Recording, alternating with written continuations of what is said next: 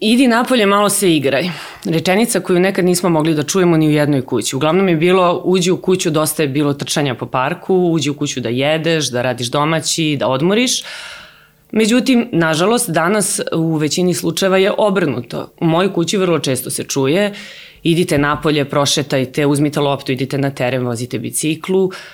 Nekako smo došli u situaciju da sad decu teramo, mamimo da izađu, da prošetaju, da se malo bave fizičkim aktivnostima, a da e, ostave po strani telefone, igrice, kompjutere, daljinske upravljače. O tome u kakvom su uh, fizičkom stanju i spremi naša deca danas u uh, Novoj Mamazjaniji govore nam uh, doktorka Daniela Vukićević, subspecijaliskinja dečije fizijatrije i uh, docent Miroslav Marković, profesor uh, fizičkog vaspitanja.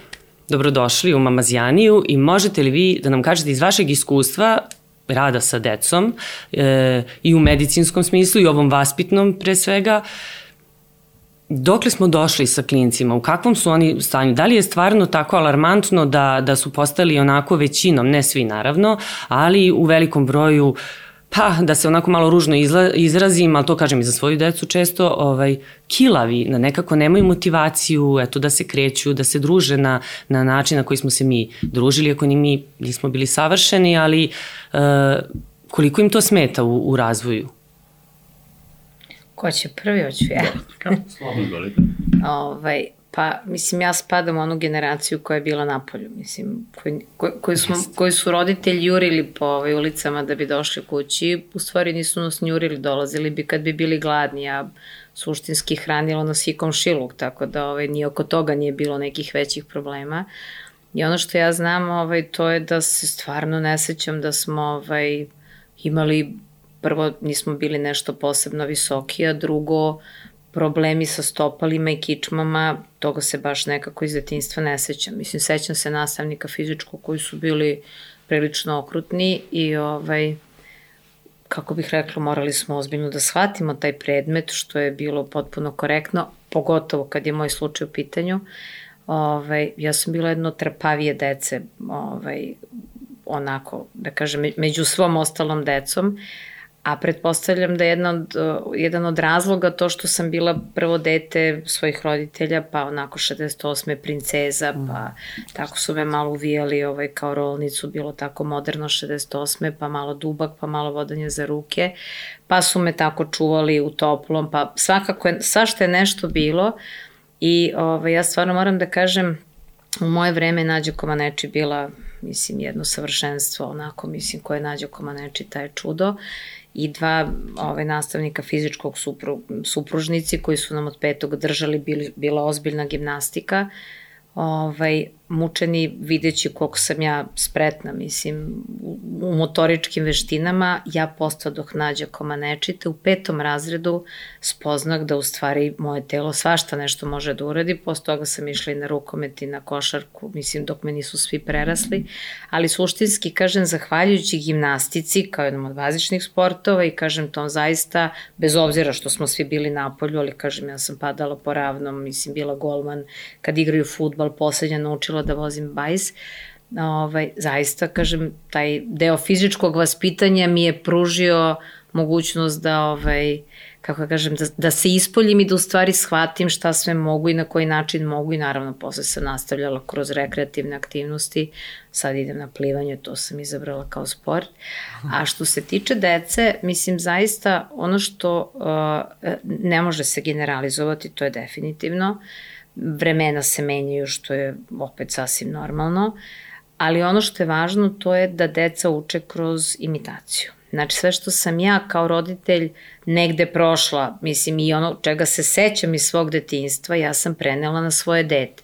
Ako kažem da sam zaista do prve godine, naravno dok se nije završilo porodijsko bolovanje, u kontinuitetu bila s njim na polju i vežbala i dete bilo na podu trećeg meseca i mislim aktivno bavljenje i priča i šetnje i svakog dana moje misli su išle ka tome, mislim šta danas raditi da bi sa detetom postigla to i to. Znači neki moj plan u glavi je bio uvek da mora da ide napolje, da mora da, mislim da, mislim moramo nešto da radimo, što se naravno pokazalo kao dobro kad je krenuo vrti sa godinu dana, muž ga izvodi u dva sata u Tašmajdanski park, ja sam već u tri bila u parku, u osam sati smo se vraćali.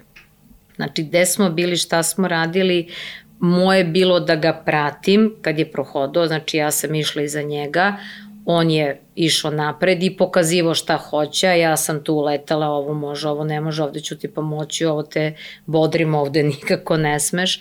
Tako da zaista mogu da kažem da kao roditelj se nikad nisam ponašala u suprotnosti od onoga što tražim od svog deteta. Ja sam se trudila da budem aktivna, mislim vikendi, to je bilo bukvalno jedan park, drugi park, treći park, plivanje, klizanje, skijanje, sve mu je ponuđeno. Nigde nisam očekivala vrhunski rezultat, ali prosto negde smo pravili koncept kako da dete bude fizički aktivno, kako da zajedno provedemo vreme I to je u stvari onaj koncept koji dete poštuje. Ako ja sedim i držim telefon i gledam televizor, od deteta tražim da ide napolje da se igra ili mu kupim gomilu igračaka, a nisam tu da se igram sa njim, kažem, imamo zaista roditelje koji su izuzetno aktivni, izuzetno aktivni. Ja moram da ispričam, stvarno, nekad dobijemo šokantne scene, mislim, prvo su deca velika, lepo su hranjena, visoki su i nekada ne pretpostavite kog su uzrasta i mislim, onako izvezanje, kao je kao popni su ovde ili uradi ovo, znači deca to urade ovako I onda pitam, izvinite, koliko dete ima meseci? Pa kao 18. Pa čekajte, izvinite, šta vi radite? Pa znate, mi tako malo penjanje po veštačkim stenama, pa se malo kao penjamo uzbrdo, nizbrdo. Mislim, planinarimo, mislim, dete je uvek tu i vi praktično imate dete koje ponaša svoje roditelje i zaista tu nema, nema ili roditelji koji igraju lopte, mislim lopte su osnovna stvar za decu, mislim šutire loptu, lopta beži, udare loptu, ubacuju loptu u koš, milijardu igri sa loptom, popni loptu na krevet, popni se na krevet, spusti se s kreveta. Tako da kažem koliko je roditelj maštovit i aktivan, znači ne možemo reći deca neće, da krenemo od toga šta je to što roditelj nudi kao aktivnost ili neaktivnost jer je meni lakše da mu pustim mislim neki crtan ili ostao, znači prosto deca gledaju nas. Ako smo mi aktivni, deca će nas oponašati. Tako da, kažem, mislim da ipak moramo da pričamo o tom kontekstu roditelj deca, ne samo deca neće, mislim deca neće, ali ako roditelj krene, onda dete ide za njim i to je uvek dobitak. Pa da, pretpostavljam da je to, da i vaše iskustvo pokazalo nešto slično s obzirom da ste radili u školi dugo i imali kontakti sa roditeljima i sa njihovim reakcijama kad je fizičko u pitanju. Tačno tako. Doktorka je, eto, primer uh, ostvarenja cilja fizičkog vaspitanja kao nastavne oblasti, nastavnog predmeta, fizičko vaspitanje je samo predmet nego i oblast, jer njihov cilj se ostvaruje kroz nastavne i kroz van nastavne aktivnosti, a jedan od zadataka, odnosno cilja fizičkog vaspitanja jeste da se dete svakodnevno bavi fizičkim aktivnostima mimo, mimo škole kad poraste. Evo, to je doktorka pokazala, bila je jednostavno nespretna, kroz fizičko vaspitanje je postala što se kaže druga Nađa Komaneči, što je meni jako drago. Uh, ja sam ovaj, takođe sa mojim detetom uh, prateći njegov razvoj, bukvalno prošao sličan put kao i e, doktorka. Ono što naši ljudi, roditelji, da kažem, greše je što sputavaju svoju decu u kretanju. Pa dete kad se rodi prvo, tako počne plaća, radi rukicama, nogicama, mi ga odmah uvežemo u ima to svoje zašto, ali hoću da kažem, vidite kako je dete srećno od kad je beba, kad ga oslobodimo od pelena, od vodeće, ono bi bilo u stanju na onom krevecu da provede i treba ga pustiti, ovaj, samo vodići računa naravno do bezbednoj okolini da se kreće, okreće, prevrće. Znači, naši roditelji sputavaju decu, izađe napolje, nemoj trčiš, oznojit ćeš se, nemoj da skočiš, polomit ćeš, povredit ćeš se. Evo, i imamo jedan frapantan podatak da deca, 92% dece četvrtog razreda ne zna da se popne na drvo. Iako su mu je dato najlakše drvo gde može da se upre i rukama i nogama, njih 92% ima problem da se popne na drvo. Ja bi se sad popela na drvo. Tako da, da tako nije, već, da nije smešno. Znači, fizičko vaspitanje... Su krali trešnje po Tako fizičko vaspitanje počinje i, iz porodice. Znači, od dana kad se rodimo, pa nadalje. Znači, ne treba sputavati dete, pustite ga da se igra. Znam da tehnologija napreduje, ali i tehnologija može da bude u svrsi fizičkog vaspitanja, Postoje toliko aplikacija koje dete može da koristi napolju pa da se takmiči samo sa sobom. Postoje ta ograničenja na internet, u upotrebe mobilnih telefona i svega toga, ali to treba uraditi pametno kroz vaspitnu ulogu kako roditelja, tako i nastavnika. Ovaj, eto sada, da kažem, u školama kreće taj neki da kažem, projekat svakodnevno fizičkog vežbanja, što je vrlo značajno, ali ja ono što kažem i što će uskoro biti, počet će u Novom Sadu na sajmu sporta, jeste edukacija roditelja, zašto je to tako važno. Naši roditelji su bili svesni, ovo eto i na mom i na doktorkinom primjeru, zašto je fizičko vaspitanje važno i nije bilo nikakvih problema, niti su trčali kod lekara da oslobode dete fizičko vaspitanja. Sada je, nažalost, situacija drugačija i treba sistem, odnosno država, da postakne i porodicu i obrazovni sistem da je fizičko vaspitanje podjednako važno kao i svaki drugi predmet. Postoji takozvane čitalačka pismenost, mhm. matematička pismenost koja jeste prioritet, ali evo sada u širom sveta su sve veće istraživanja koje pokazuju da ako ne postoji takozvana fizička pismenost, ne može maksimalno da se da razvije ni matematička ni čitalačka pismenost.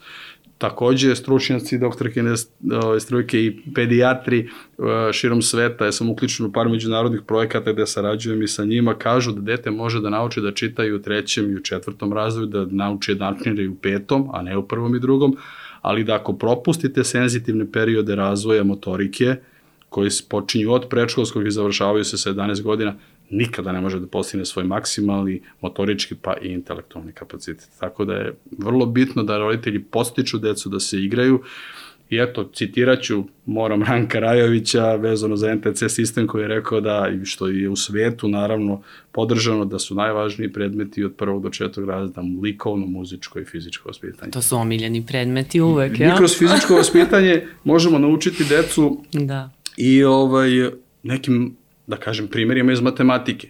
Kad stanu u vrstu, tako, to je mhm. prava ili duž, možemo naučiti kvadrat, trougao, znači sve možemo naučiti parne, neparne brojeve, prirodu i društvo, a sećamo učiteljica, davno je pokojena, bila sam, bio sam i poslednja generacija, nastavu prirode i društva mi smo nekako radili kroz fizičko. Znači, vodila nas je u Karadžorđe park, išao sam ovde u školu Sveti Sava i stalno mi pokazivala, ne znam, drvo, kore, novo, pa čak nas je i podspešivala, stajaći uvek tu da se na to drvo popnemo, da nešto dohvatimo. Danas ove deca, što kaže doktorka, ne kradu trešnje niti voće i ne znaju draž kada pojedeš nešto što si sam ubrao. Ja moram da ispričam apropo ovog eh, penjanja na drvo. Bili smo u nekoj vikendici van Beograda prirodi i prolazimo pored nekog drveta, stvarno drvo kao da je izraslo da bi se neko popeo na njega sa onim granama niskim, onako, pa ne, sve su, kao, kao merdevin. I sad prolazim ja sa svojim decom i gledam, jao, kako je ovo drvo za pentranje, top. I on ga, kako to misliš? Oni, znači sad gledaju me u čudu i šta ja, kako ja to sad njima da objasnim, bili su mlađi nego sad, to je bilo pre nekoliko godina. I ja ih onako pogledam i ovaj, kako sam bila u trenerci u patikama, jel, spremna, ja se popnem na to drvo. Deca onako stoji, gledaju me kao, mama šta to radiš? I ja se popnem i pokažem im, uhvatite se za ovu granu, pa nogama, pa rukama, pa kao Mari, ono, majmunčići, kao onaj, kako se zove, mogli iz knjige o džungli.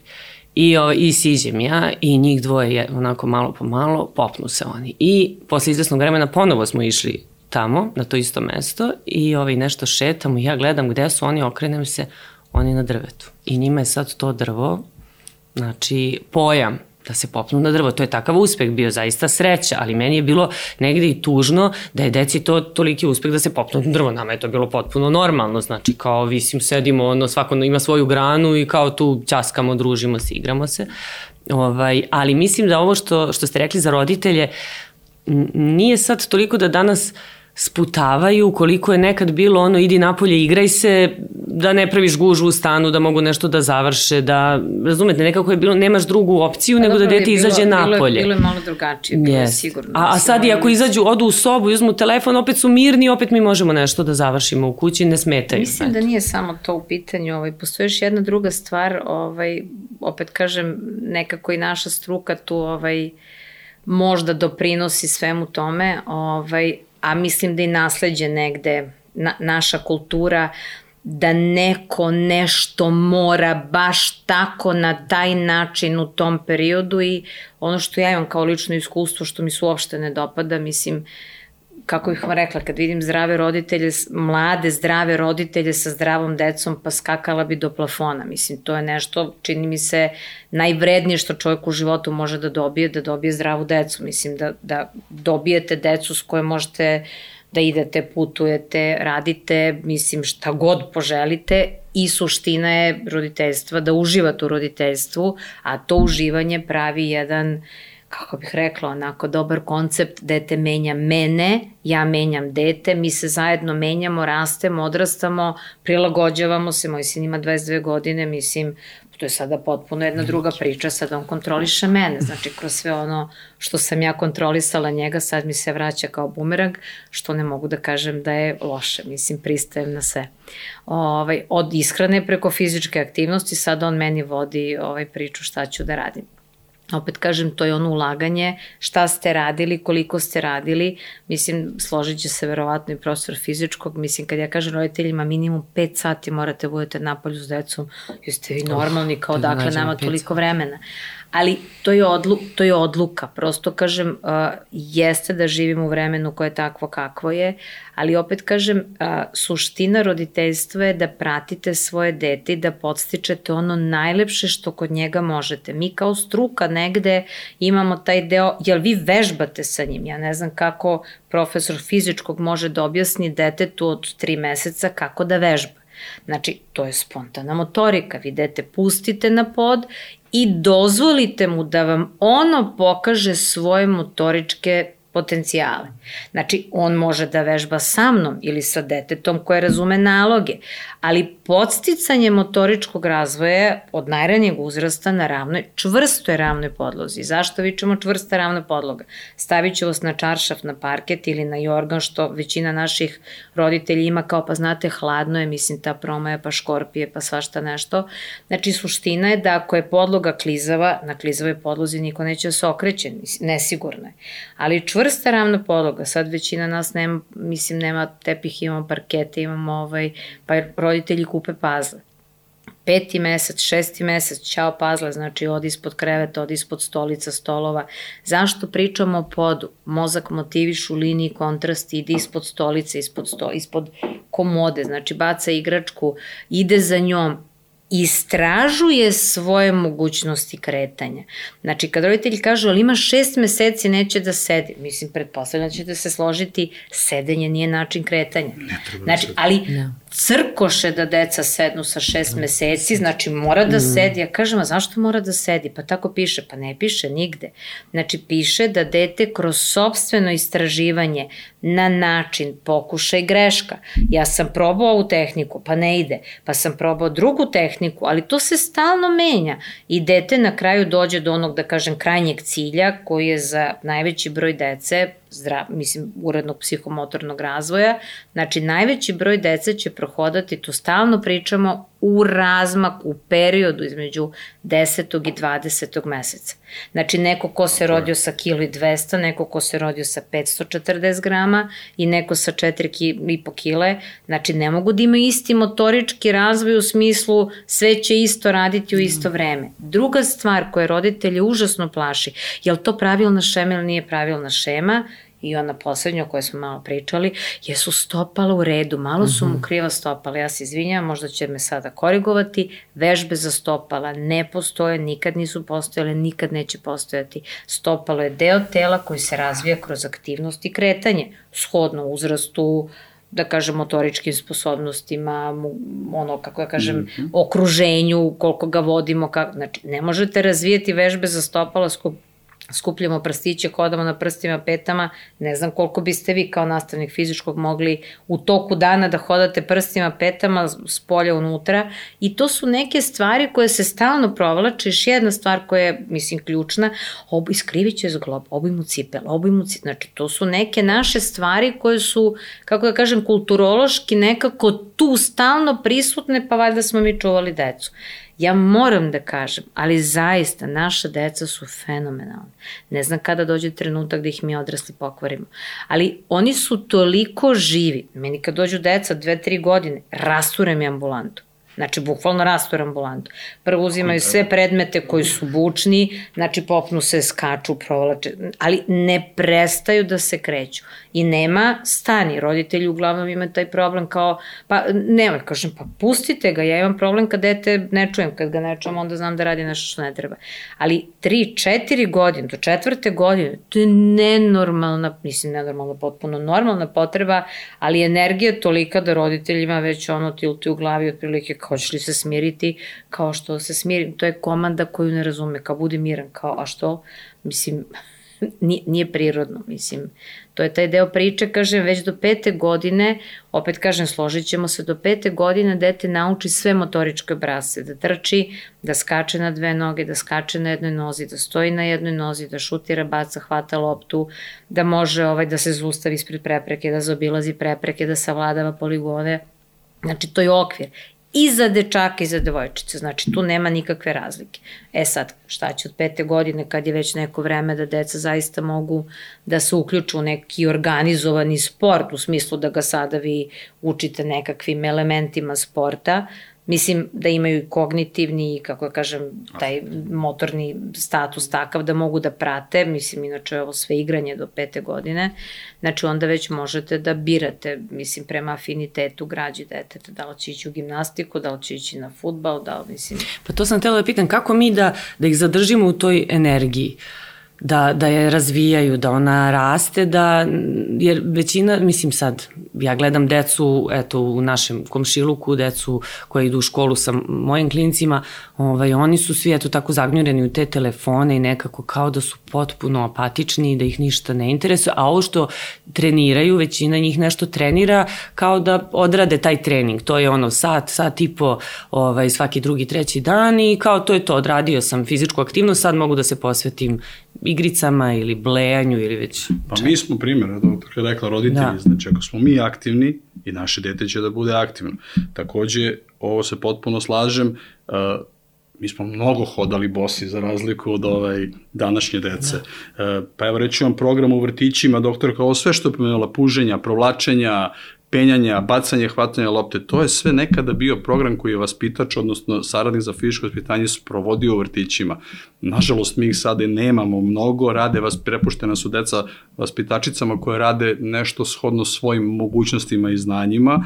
Prema tome, imaju zakonska ograničenja koja po meni treba hitno menjati, jer doktorka je rekla 5 sati napolju. To se radi u Finskoj, Švedskoj, Španiji, imao sam prilike to da vidim, kako god da je vreme, hladno, toplo, deca Izvinjam su tamo napolje. Ja moram da kažem, moje deca su išle u vrtić koji je bio fenomenal, vaspitačice su stvarno bile divne, ali nije imao adekvatan uh, adekvatno dvorište u tom periodu, sad su napravili nešto. U svakom slučaju dešavalo se da oni po dva, tri dana, ako je nešto vreme onako metiljavo, uopšte ne idu napolje.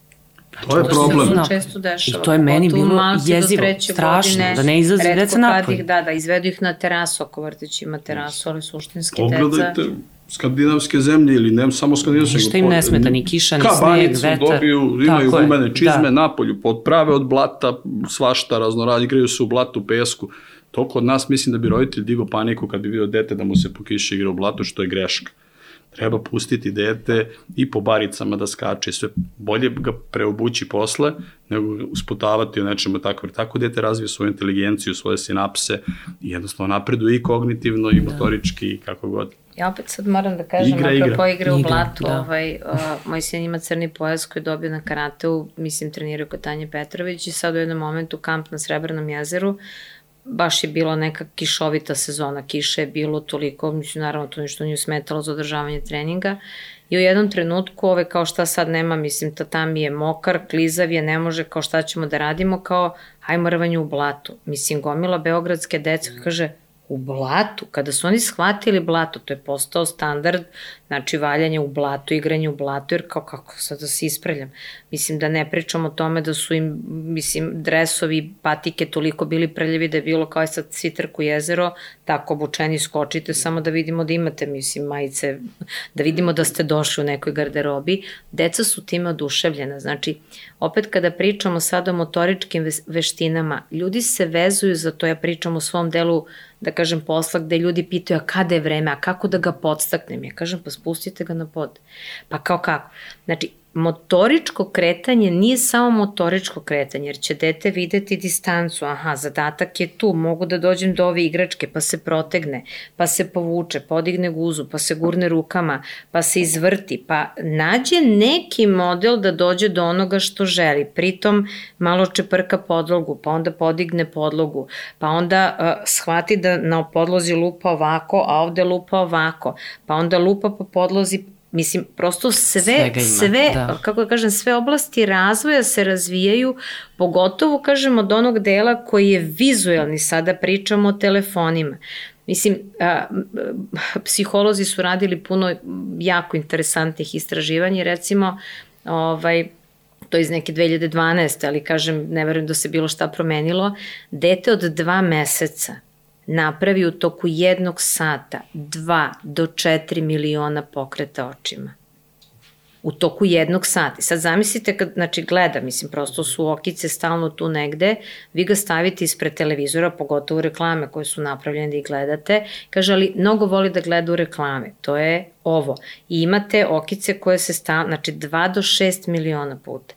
Kada pričamo o motoričkim veštinama, kada su sada, mislim, meni to recimo bilo fascinantno i uvek je fascinantno kad pročitate, a toga niste svesni, deca koje prohodavaju. Znači, deca koje su u fazi prohodavanja, oni ustanu, naprave par koraka, padnu, pa odu tamo tri koraka, pa četiri koraka tamo i vama se stalno čini da se kreću po nekakvim bezveznim putanjama, u stvari to je ispitivanje mogućnosti, idem sve dalje, idem sve dalje. Dete koje prohodava, znači koje prohoda u fazi je učenja i stabilizacije hoda, u toku jednog sata brojali ljudi napravi 2368 koraka i padne 17 puta u toku jednog sata. Znači u toku dana da. dete koje je prohodalo, znači to je znači ta dužina jednosatna je dužina 7,7 američkih terena za futbol. Znači pogledajte tu sad metražu, mislim koju dete pređe Oga, i to je ono, ali da. konstantno hoda. Znači decu ne treba podsticati na hodanju, oni su na, na kretanju, oni se prirodno kreću. To je prirodni izraz, telesni. Mi smo bića dizajnirana za kretanje. A dete tu negde između 13. i 18. meseca u toku dana pređe 14.400 koraka, a padne 100 puta. Znači, to je sad ne znam koliko, 38 tu bi ona aplikacija što broj korak je jest, poludela. Jest, da, ali hoću da kažem, taj deo priče sa loptom, znači lopta ide, lopta se stalno kreće, igračke se kreću, znači ako je, mislim, dete stalno pravi pokrete očiju. Vi imate problem u školi kad treba dete da čita, znači vama, mislim sad ja to ne mogu da izvedem, sakadni pokreti očiju, znači morate da prelazite od jednog do drugog reda. Mislim da bi dete moglo fizički da se aktivira tu negde oko druge godine. Evo reći će on čovjek. Znači sva deca Ranko Rajević, nije, mislim to je neurološka priča, nije to niko izmislio, dokazali ljudi. Deca se vrte u krug, deca dube na glavi, znači kolut napred i osnovna disciplina. To je stimulacija vestibularnog sistema, pogotovo recimo to očevi vole. Mislim, ja sam to radila sa svojim detetom, ali očevi vole to da podižu decu, mislim, vrti ih i oni, kao ima još to uzbuđuje centralni nervni sistem i onda dete kada se na taj način istimuliše, sešće da odradi zadatak tipa da nešto obu ili da mu pročitate knjigu. Znači nije samo motorički razvoj taj koji postičemo da bi mi sad dobili sedenje, puzanje, stajanje, hodanje, trčanje, nego sve oblasti razvoja, pogotovo igre sa loptom. Mislim, ne mislim ni na šta profesionalno. Mislim da I to sam htjela da pitam, da... roditelji često pitaju, verovatno su i vas pitali, ovaj, kad je vreme da krene na neki sport, ali kao ono ozbiljnije, ne sad one ono trčkaranje, skakutanje, nego kao da, da upišu dete na sport. Pa, I ja pa... sam htela da dodam koliko je pametno forsirati dete da trenira nešto što možda Prvo nije za njega. Prvo treba osluš, osluškivati dete. Uh mhm. -huh. Savremena, da kažem, nauka u sportu, da kažem, fizičkom ospitanju, kaže da dete u neki takmičarski ciklus ne treba da uđe pre 12. godine, dok ne stekne i ne prođe sve te senzitivne periode razvoja, razvojem opšte motorike. Znači, tačno se zna kad se razlika gibkost, kad koordinacija, kada brzina, kada snaga. Znači, dete mora da prođe prvo sve to da bi otišlo u sport. Rana specializacija, Znači, rano bavljenje sportom nije dobro. To je dokazala i Ljubica Bačanac u jednom velikom istraživanju, to je naš sportski psiholog. Žena je u penziji, ali smo sarađivali na nekoliko projekata. Deca nam već u 14. godini izlaze iz sporta ako prerano uđu u sport zato što im je dosadno. Znači, mi prvo moramo da napravimo nacionalnu strategiju rada sa mladim sportistima, daćemo primjer Nadalove akademije u Španiji, tamo deca sport sa rekvizitom je nešto drugo. Tu treba da krenu ranije, ali i taj rekvizit treba da im služi da se igraju. Jer ako mi njega od starta krenemo da učimo, ajmo backend pa postavi, dete prvo to neće da razume, drugo vrlo brzo će kasnije da mu dosadi. Ja kad sam to gledao, oni prvo se igraju šugice, nekih elementarnih igara, pa se penju ovde, onda, znači rade neke poligone na teniskom terenu. Onda im kasnije trener da lopticu i reket, a onda oni udaraju lopticu kako oni žele.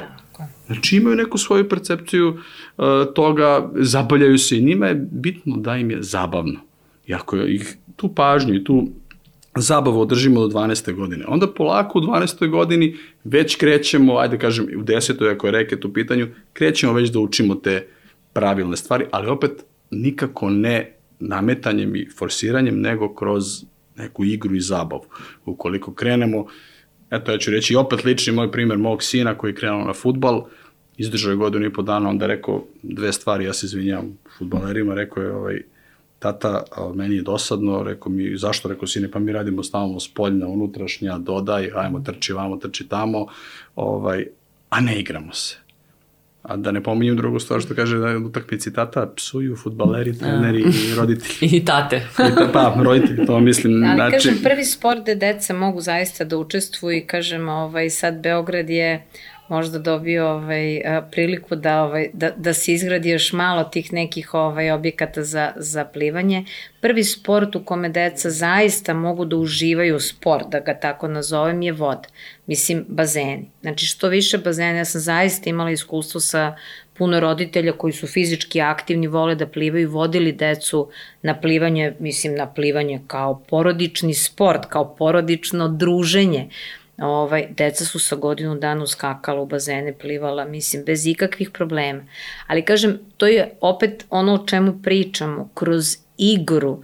Ako detetu nametnete nešto da mora, pritom deca su, mislim, sve takmičenje, Prvo, deca se, deca vide takmičenje, ali to sami, kroz, opet kažem, sobstveni izraz. Znači, neko dete će se okrenuti ovako, neko onako, neko će bauljati, neko će dugo bauljati pa puzati, neko neće bauljati, nego će puzati, pa će se uspraviti. Neko je visok, neko je sitan, neko može da, neko voli loptu, neko voli da se penje, mislim, po spravama na, u parku, ali kaže, kažem, taj deo priče pratiti dete, pustiti ga da se igra i istražuje svoje potencijale. Znači, prosto niko od nas ne može istu aktivnost kao što je bacanje i hvatanje lopte da izvede na isti način. Šta je najpravilnije? Nadali Đoković nema isti kako da kažem, isti princip treninga, ali su vrhunski i jedan i drugi. Isto kao što skakači u dalj, mislim, kako god. Mislim, kažem, imamo Svaki toliko svoj stil. Da, da, svoj stil Tako i to je. smo gledali.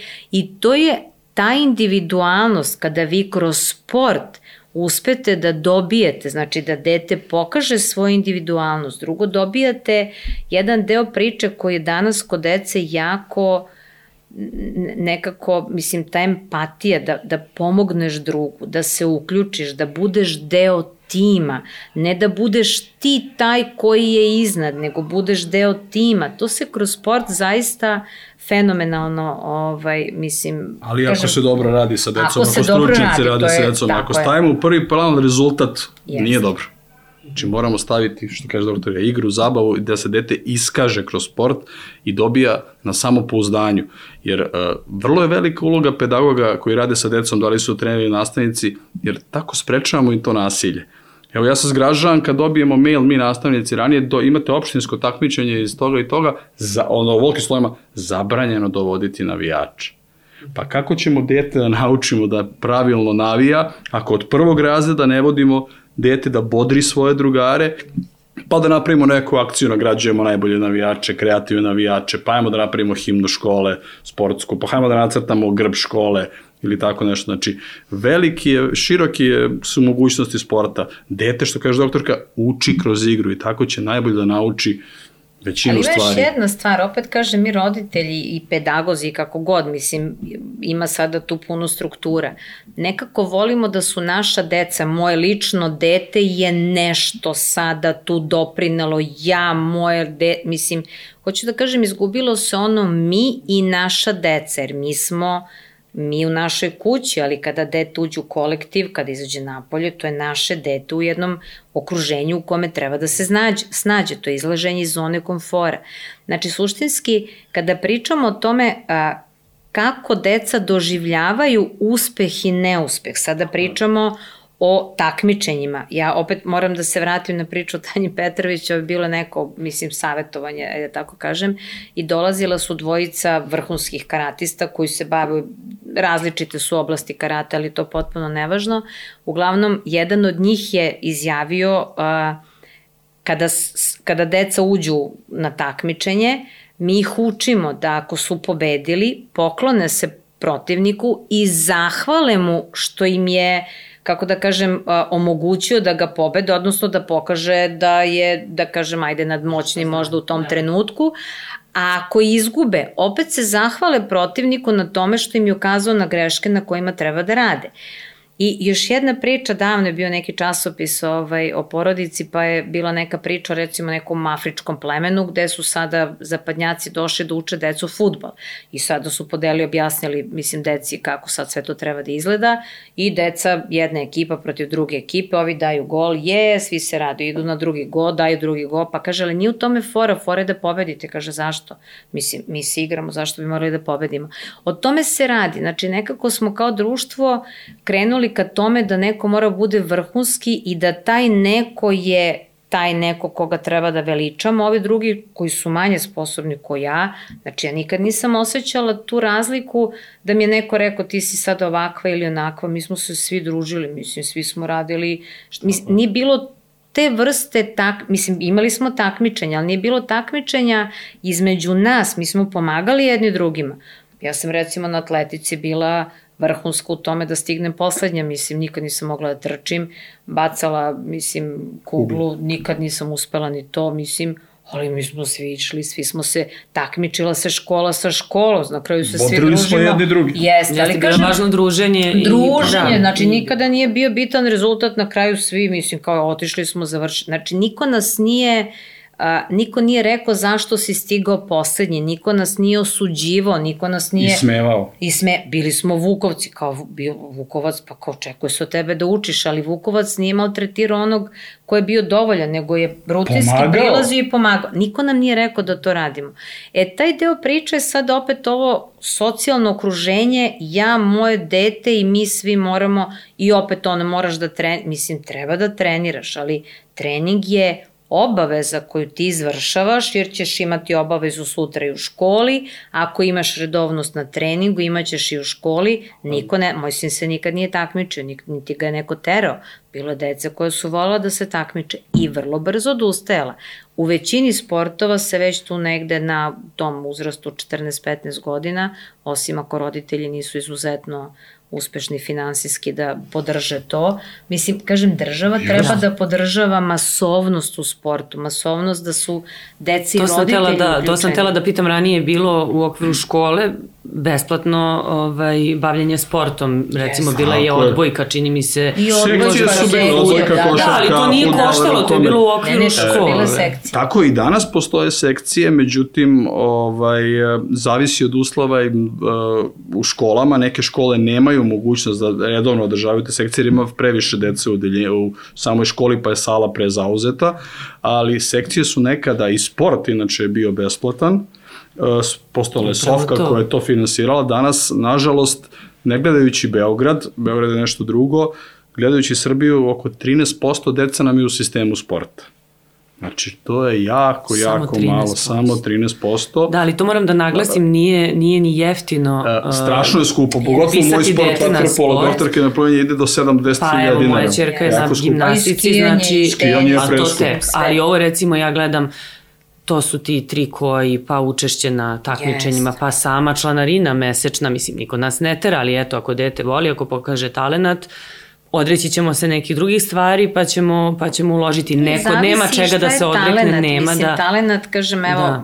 mislim, mi smo svedoci, pogotovo kada deca počinju da rastu. Devojčice tu negde do 15. godine, da, ajde da kažemo, dostignu tu neku svoju visinu. Mislim, iako porastu kasnije, nešto malo nije strašno, a dečaci počinju od 14.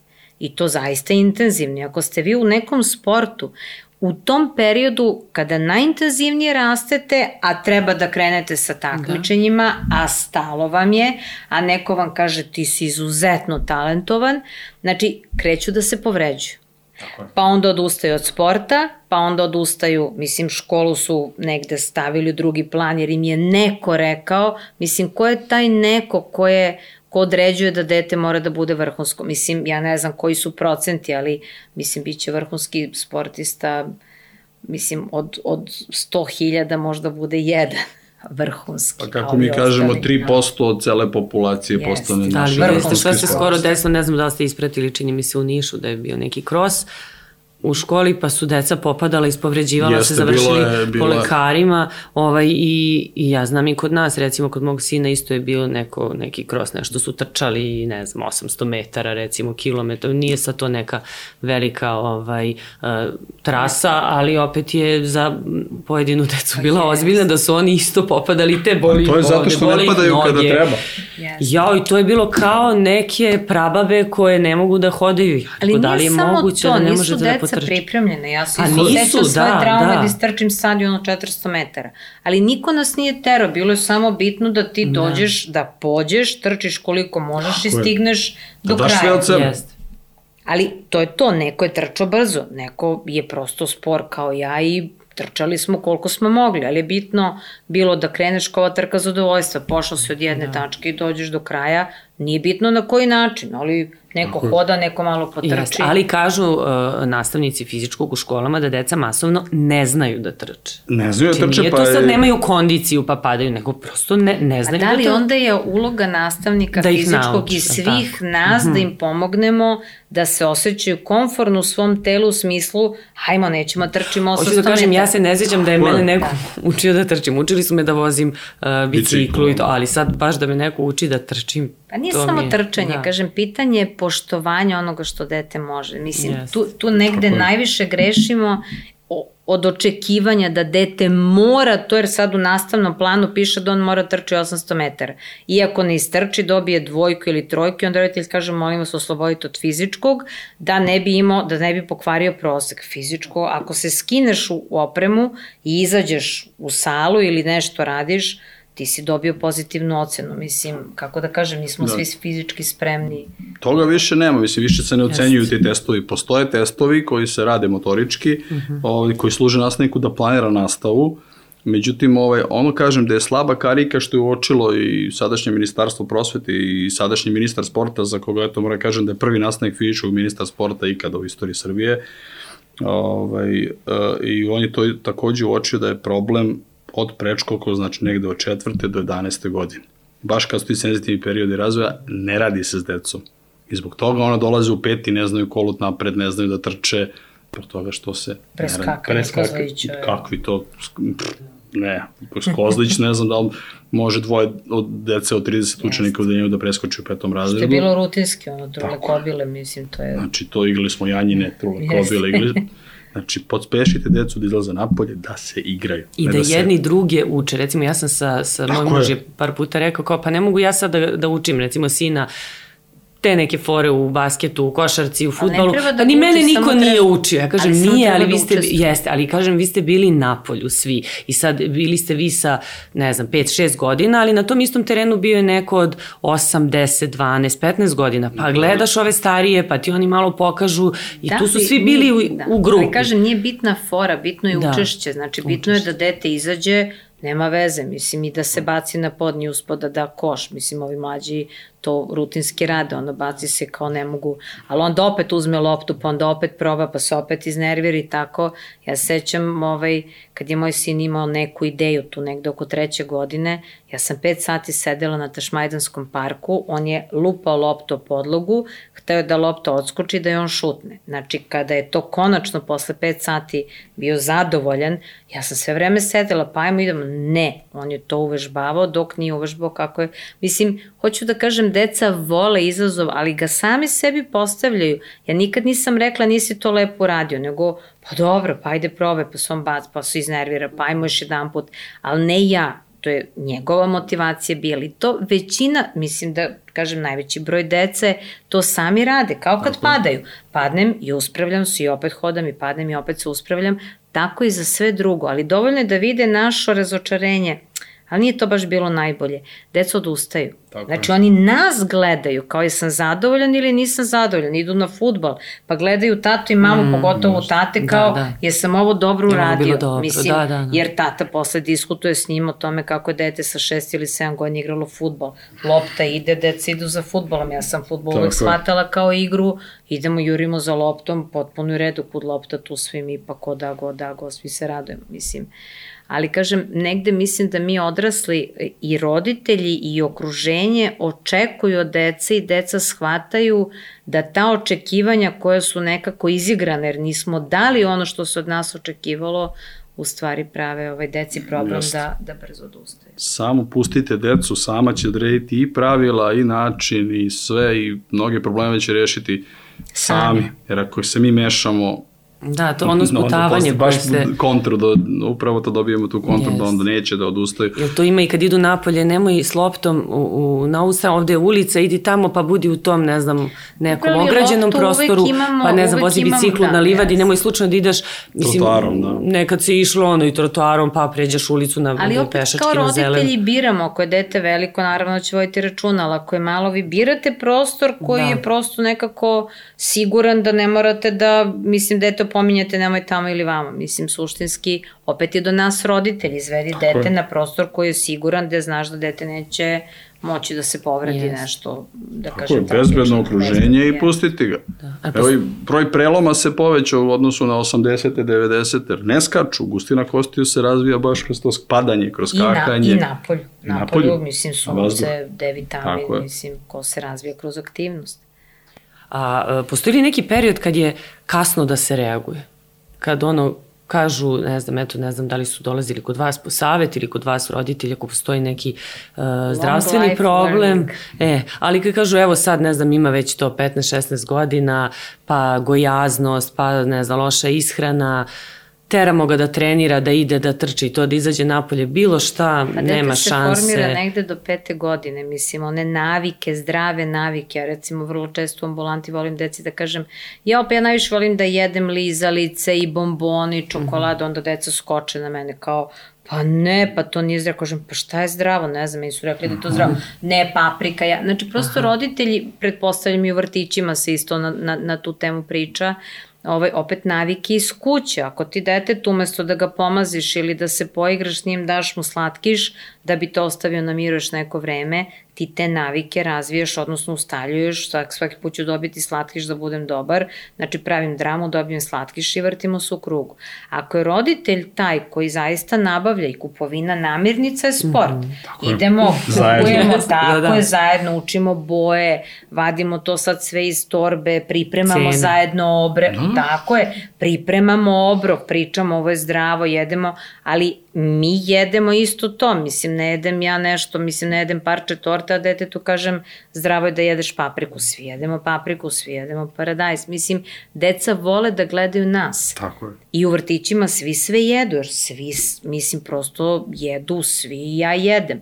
Moje dete u vrtiću jelo ono što u kući u životu ne Tačno, probao. isti slučaj sa mojim malim, da. Ali, kažem, to je opet odgovornost svih nas. Znači, i porodice i vrtića i mislim posle učitelja i kako god, ali sa 15 godina ako nisi razvio zdrave navike, sećam devojke koja je došla, nikada. vozila je biciklu, mislim jedva su je sastavili na maksilofacijalnoj hirurgiji, mislim prelom i sva je bila, ja kažem, sad vežbamo sa njom, ja kažem, koju god vežbu da izvede, ja kažem, dete, si ti nekad radila fizičko, si ikad nešto radila u životu? Pa ne. Znači, uh, devojčica, koja, mislim, pritom bila beskreno simpatična, kažem, koliko si puta planirala da sudaš minimum tri. Ove, ovaj, ali suština je da nijednu motornu komandu, ja kažem, aj sad uradi to i to, ona me gleda, ja kažem, pa čekaj, 16 godina. Mislim, moje dete je treniralo od pete godine karate, da ne pričam šta sam s njim radila ovaj, dok je bio mali, sa sedam godina nauče da vozi biciklu. I prvi njegov pad, zato što je hteo da se počeše po uhu, mislim, otišao je volan, odnosno točak se preprečio, On je preskočio bicikl, otkotrljao se, jer su to radili na karatu, to je radio kao mali. Imao je guljotinu samo ovde. Mislim, taj deo priče je u trenutku kad je njegovo telo trebalo da odreaguje kako je trebalo, mislim, na, na način, on je to odradio refleksno. U drugoj godini je polomio ruku, zato što tad nije išao na karate na ove pripreme, ne, mislim, trenirao je za crni pojas, ali nije išao na te pripreme opšte motorike, igrali su bez veze košarku ispred kuće, dečko izleto ispred njega, mislim, igrali su. Pao je, polomio je kost na ruci. Zato što mu je telo već bio veliko, već je bio 1,80 m, nije išao i nije rutinski radio ono što je radio kao malo dete i desila se povreda. Mislim, u tom smislu, kažem, opšta fizička kultura, okretanje, prevrtanje, poligoni, vozimo bajs, vozimo trotinet, vozimo rolere, šta god. Mislim. To je kad su mali, ali ovo kad, kad malo porastu, već pričamo... Pričamo i kad porastu, e, ali kažem, vi pravite tu, da. tu osnovu još kad su mali, da bi shvatili da je fizička aktivnost nešto što je, mislim, zdrav život nameće kretanje, mislim, Posle toga možete samo da igurate u teretanu, mislim, to. teško da može bilo šta drugo da Nikad da se... nije kasno, ajde u 15. godini kad se pojave, to ja radim, sticajem okolnosti, ovaj, sarađujem sa po lekarima, ortopedima i eto, nakon povrede kolena, ja sam operisao te prednje ukrštene na tom famoznom futbolu, prednje ukrštene ligamente, i našao sam neki svoj metod oporavka, vrlo brzo sam se oporavio i krenuo sam da sarađujem sa doktorima sa kliničkog centra Srbije i oni mi tako šalju nekad sportiste i pre 15 godina su to bili momci 30 godina, 25, 6, 7,